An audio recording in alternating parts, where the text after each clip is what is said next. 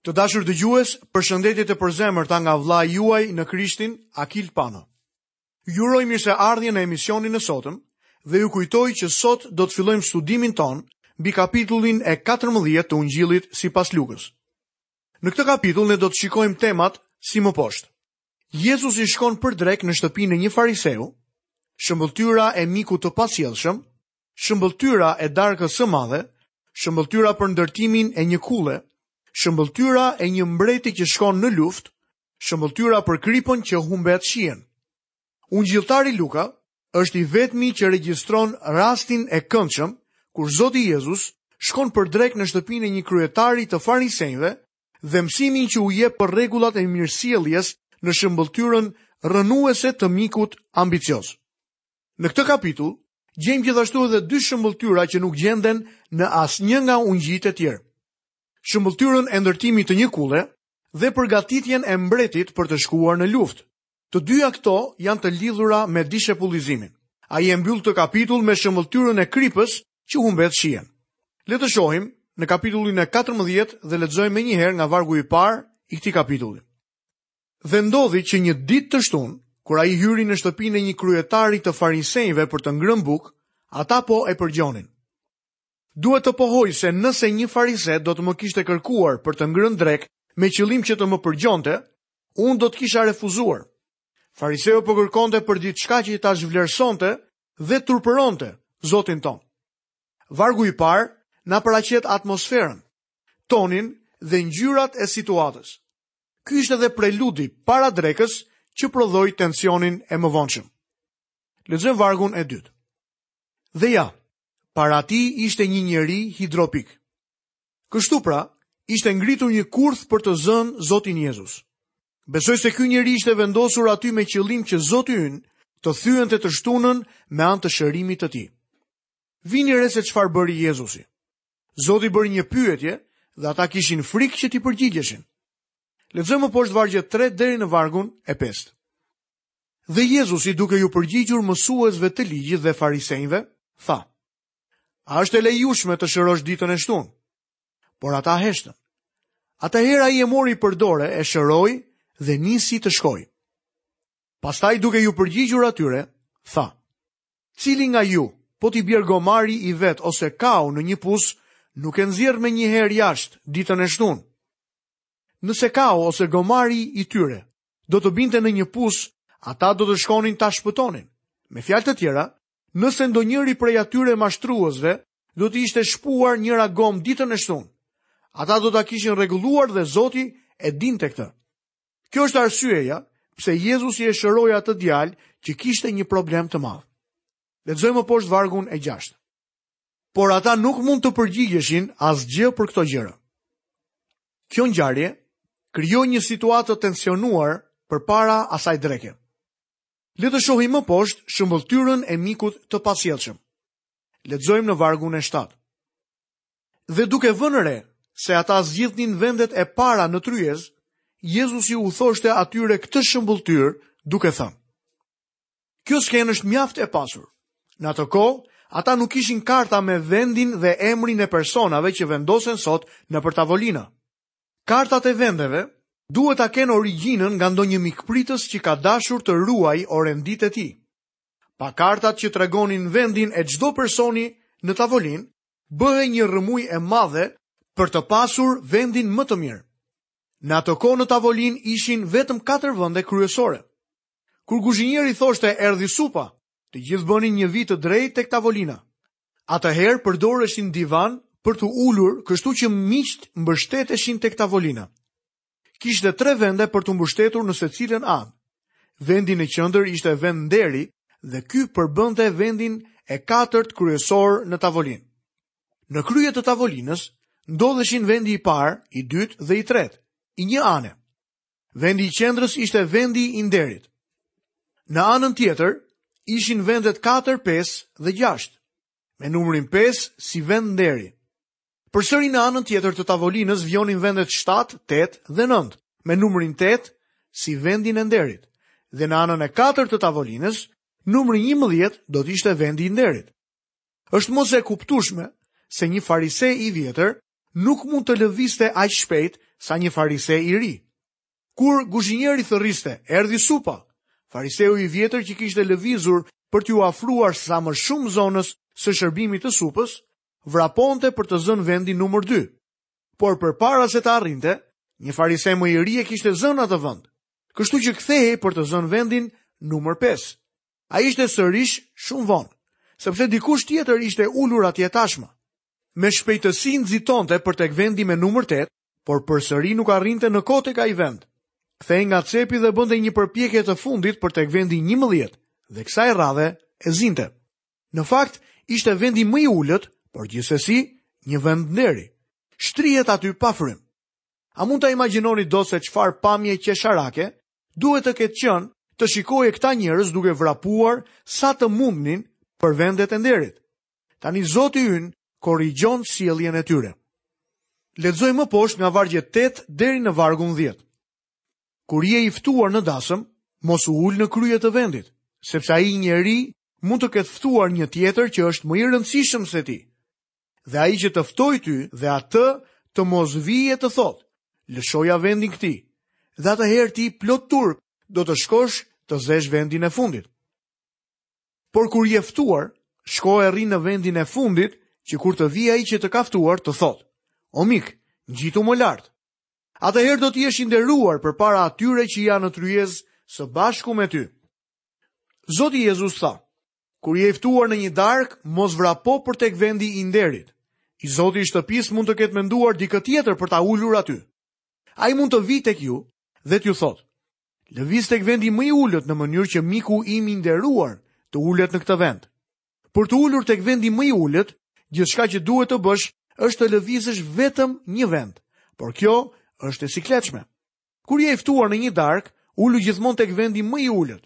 Të siguroj që nuk do të kesh probleme për ta zënë këtë vend, sepse askush nuk do të luftojë për ta zënë atë. Kur të vijë i zoti i shtëpisë dhe të shikojë ku je ulur, do të thotë: Ti je miku im i nderit. Të lutem ulu në vendin e nderit. Atëherë dikujt tjetër i duhet të lëvizë. Kjo është një sjellje e mirë dhe është e kundërta e demonstrimit që ky grup kishte bërë. Zoti ynë paraqet një princip të madh bazuar në këtë ngjarje. Lexojmë poshtë në kapitullin e 14 të Lukës, vargun e 11. Sepse kushdo që e lartëson veten do të poshtërohet dhe kush e poshtëron veten do të lartësohet. Ky është një princip i rëndësishëm për ne si besimtarë. Së dyti, Zoti ynë korrigjon të zotin e shtëpisë. Për këtë le të lexojmë vargjet 12 deri në vargun e 14. Ai i tha edhe atij që e kishte ftuar, Kur shtron drekë a darkë, mos i thirr miqtë e tu, as vëllezërit e tu, as farefisin tënd, as fqinjët e pasur, se mos ata një herë të të ftojnë ty dhe kështu ta kthejnë shpërblimin.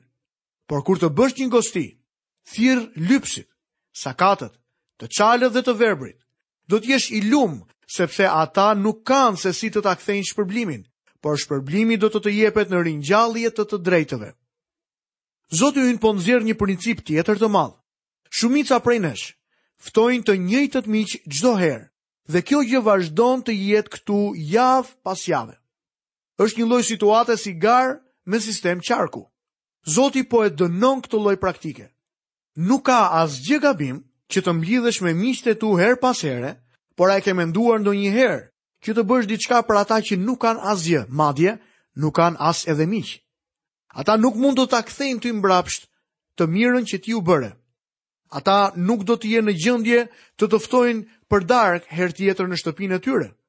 Bëj disa gjëra ku ti do të jesh dhënësi pa menduar që do të marrësh gjithçka mbrapsht. Le të vështrojmë më poshtë shëmbëlltyrën e drekës së madhe. A mund ta imagjinoni tensionin në këtë drekë?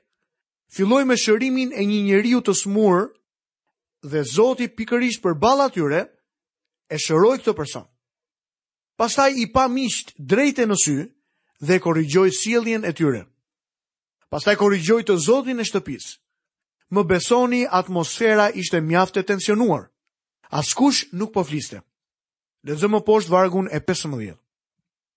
Dhe një nga të ftuarit, si i dëgjoi këto gjëra, i tha, Lum kush do të hajë bukë në mbretërinë e Perëndisë. Kjo pa dyshim është një nga banalitetet fanatike që ky njeri po jep. Në atë moment jo të këndshëm heshtje, Kur askush nuk po fliste, një mashtrues i vjetër ngrihet dhe thotë: "Lum janë ata apo të bekuar janë ata që do të hanë bukë në mbretërinë e Perëndisë." Do të doja të kisha qenë atje dhe ta pyesja: "Çfarë do të thuash me këtë?" Dyshoj nëse ai do të më kishte treguar se çfarë donte të thoshte në të vërtetë. Deklarata e tij nuk ishte asgjë më tepër sesa një klishe fetare. Ju me siguri keni dëgjuar gjëra të rëndomta si këto në rrethet tuaja konservative sot. Me thënë të drejtën, lodhem shumë kur dëgjoj gjëra të tilla. Një nga klishetë më të përdorura është lavdi Zotit. Është një gjë e mrekullueshme të lavdërosh Zotin, por ndonjëherë bëhet paksa e mërzitshme kur një person e përdor atë frazë vazhdimisht dhe vazhdimisht, por nuk e lavdëron Zotin në zemrën e tij. Le të qëndrojmë larg klisheve të tilla fetare. Zoti nuk e la këtë mashtrues të kalonte kollaj me sloganin e tij. Ai u kthye drejt tij, mendoj, me sytë plot me zemërim dhe i foli. Lexojmë poshtë në vargjet 16 dhe 17. Atëherë Jezusi i tha: Një njeri përgatiti një darkë të madhe dhe ftoi shumë veta. Dhe në kohë të darkës dërgoi shërbëtorin e vet t'u thotë të ftuarve, ejani sepse gjithçka tashmë është gati. Zakonisht ishte që ftesat për një darkë dërgoheshin kohë më parë dhe kur vinte dita e darkës bëhej edhe një ftesë personale. Perëndia ka dhënë një ftesë. Çfarë do të bëjë njeriu me të? Ftesa e Perëndisë është për shpëtimin. Ti nuk mund ta blesh rrugën tënde në këtë festë.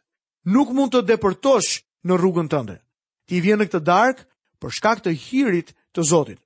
Ajo që apostulli Pal na tregon tek letra e Efesianëve, në kapitullin e 2 dhe vargu i 8 dhe i 9, na flet për këtë fakt. Apostulli thotë: Ju në fakt jeni të shpëtuar me anë të hirit, nëpërmjet besimit, dhe kjo nuk vjen nga ju, po është dhurata e Perëndisë, jo nga vepra, që të mos mburret askush. Ti shkon në këtë darkë duke e marrë si dhuratë. E vetëmja gjë që mund ta përjashtojë qenien njerëzore nga qielli, është refuzimi i pranimit të kësaj ftese. Zoti Jezus tha, ti thua lum ai që ha bukë në mbretërinë e Perëndisë. Ky është një budallallëk fanatik.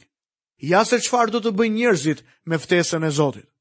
Lexojmë poshtë vargun e 18. Por të gjithë, pa përjashtim, filluan të kërkojnë ndjesë. I pari i tha, bleva një arë dhe më duhet të shkoj ta shoh, të lutem të më falësh. Ky nuk është shfajësim, por një alibi. Dikush ka thënë, alibia është një gënjeshtër e mbushur nën lëkurën e shfajësimit. Askush nga të ftuarit nuk tha, unë nuk do të vij për darkë. Ata thjesht filluan të shfajësohen për të mbuluar faktin që nuk donin të vinin. Njeriu i parë që u shfajësua ishte ose gënjeshtar, ose një budalla.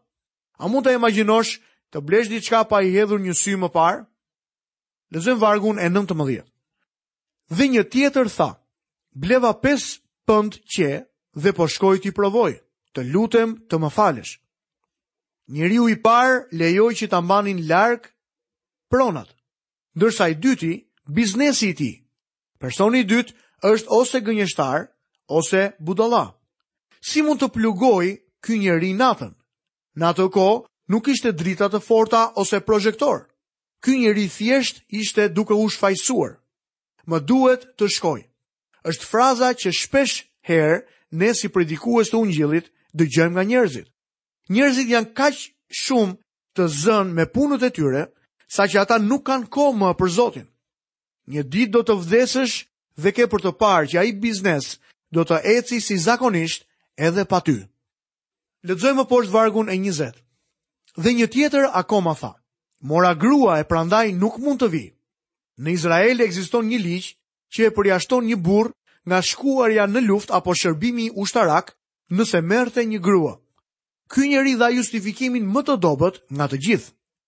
Pse nuk e mori edhe gruan me vete dhe të shkonte në darkë ku ishte i ftuar? Dashuria e tij natyrore nuk e lejoi që të shkonte në dark. Sa e sa herë kam dëgjuar burra që thonë, nuk mund të vij dot në kishë sepse e diela është e vetmja ditë që mund të kaloj me gruan dhe fëmijët e mi. Disa nga gjërat që i mbajnë njerëzit larg nga Zoti janë zotërimet, bizneset dhe dhembshuritë natyrore. Miqtë e mi, Zoti ka gdhendur një ftesë për ju. Kjo ftesë është e shkruar me gjakun e Jezu Krishtit dhe të fton në tryezën e madhe të shpëtimit. Lexojmë më poshtë nga vargjet 21 deri në vargun 24. Kështu shërbëtori u kthye dhe ia dëftoi të gjitha Zotit të vet. Atëherë Zoti i shtëpisë plot zemërim i tha shërbëtorit të vet: Shpejt, shko nëpër sheshet dhe nëpër rrugët e qytetit dhe sill këtu lypës, sakat, të çalë dhe të verbër. Pastaj shërbëtori i tha, Zot, u bë ashtu siç urdhërove ti, por ka vend edhe më. Atëherë Zoti i tha shërbëtorit, dil nëpër udhë dhe përgjatë gardheve dhe detyroji të hyjnë që të mbushet shtëpia ime.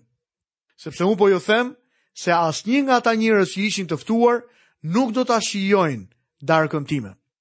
Kjo është një deklaratë shumë e rreptë. Nëse refuzon ftesën e Zotit, ai do të të refuzojë ty. Ti përjashtohesh për shkak të refuzimit tënd ndaj ftesës së tij. Lexojmë më poshtë nga vargjet 25 deri në vargun 27. Dhe turma të mëdha shkonin me të. Ai u kthye nga ata dhe tha, Nëse ndokush vjen tek unë dhe nuk urren babanë e vet dhe nënën e vet, gruan dhe fëmijët, vëllezërit dhe motrat, madje dhe jetën e vet, nuk mund të jetë dishepulli im. Dhe kush nuk e mbart kryqin e vet dhe nuk më ndjek, nuk mund të jetë dishepulli im. Këto vargje na thonë që ne duhet ta vendosim Zotin të parin. Përkushtimi i një besimtari të krishterë ndaj Zotit Jezu Krisht duhet të jetë i tillë që me anë të një krahasimi të duket sikur gjithçka tjetër është e urryer. Të gjitha shprehjet që përcaktojnë dashurinë janë në shkallën krahasore. Lexojmë më poshtë vargjet 28 deri në vargun e 30. Kush nga ju pra, kur do të ndërtojë një kullë, nuk ulet më parë të llogarisë shpenzimet për të parë nëse ka mjaftueshëm për ta mbaruar. që atëherë kur t'i ketë hedhur themelet e të mos mund ta përfundojë, të gjithë ata që e shohin të mos fillojnë e të tallen, duke thënë, ky njeri filloi të ndërtojë e nuk mundi ta përfundojë. Të bësh një vendim për Krishtin të kushton diçka. Të kushton të jesh dishepulli i tij. Mendo për këtë miku im. Ti duhet të llogarisësh koston përpara se të marrësh vendimin. Le të lexojmë më poshtë nga vargjet 31 deri në vargun e 33 për të parë shëmbëlltyrën e mbretit i cili shkon në luftë. Ose cili mbret, kur niset të luftojë kundër një mbreti tjetër, nuk ulet më parë të gjykojë nëse mund ta përballojë me 10.000 atë që po i vjen kundër me 20.000. Në mos, ndërsa ai është ende larg, i dërgon një delegacion për të biseduar për paqe. Kështu pra, secili nga ju që nuk heq dorë nga të gjitha ato që ka, nuk mund të jetë dishepulli im. Një person mund të shpëtohet duke pranuar Krishtin si Zotin dhe Shpëtimtarin e tij, por nuk do ta ndjekë dhe nuk do t'i shërbejë kurrë atij për aq kohë sa ai nuk është i gatshëm të sakrifikojë. Ky pasazh na e tregon mjaft qartë këtë. Ekziston një ndryshim midis të qenit besimtar dhe të qenurit dishepull. Fatkeqësisht, jo të gjithë besimtarët janë dishepuj. Lexojmë më poshtë vargjet 34 dhe 35. Kripa është e mirë, por nëse kripa bëhet e amësht, me se do të mund t'i kthehet shija. Ajo nuk vlen as për tokën, as për plehun, por hidhet tutje. Kush ka vesh për të dëgjuar, le të dëgjojë. Nuk ka asgjë më të pavlerë sesa kripa që ka humbur shijen e saj. Dhëntë Perëndia të na çlirojë nga të qenurit të krishterë të padobishëm. Të dashur miq, këtu kemi mbërritur dhe në mbylljen e emisionit të sotëm. Jam mirënjohës Perëndisë që kemi qëndruar së bashku përgjatë gjithë këtyre minutave, duke zbuluar fjalën e Perëndisë së gjallë. Ju kujtoj që jemi duke studiuar në kapitullin e katërt të Ungjillit sipas Lukës dhe ju kujtoj sërish që në emisionin e ardhshëm do të fillojmë studimin tonë mbi kapitullin e 15 të këtij Ungjilli. Deri atëherë, nga vëllai juaj në Krishtin Akil Pano, paçi të gjitha bekimet e Perëndisë dhe paqen e tij në jetën tuaj.